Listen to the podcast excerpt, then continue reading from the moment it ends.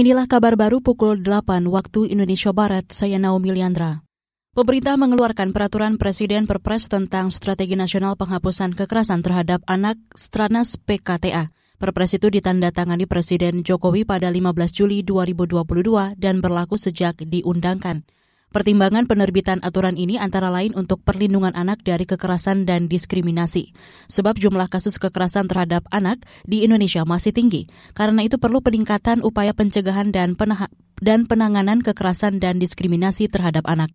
Stranas PKTA ini merupakan strategi nasional yang dituangkan dalam dokumen yang berisi arah kebijakan, target, hingga tanggung jawab kementerian lembaga, pemerintah daerah, serta masyarakat untuk mewujudkan penghapusan kekerasan pada anak. Pendanaan Stranas bersumber dari APBN, APBD, dan atau sumber lain yang sah dan tidak mengikat sesuai aturan perundangan.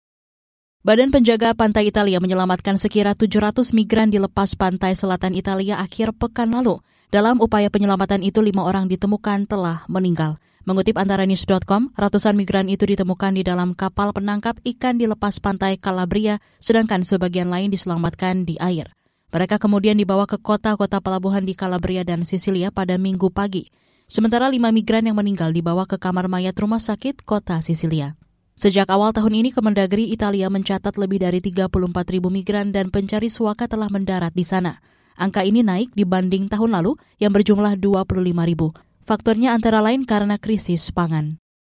Demikian kabar baru KBR, saya Naomi Liandra undur diri.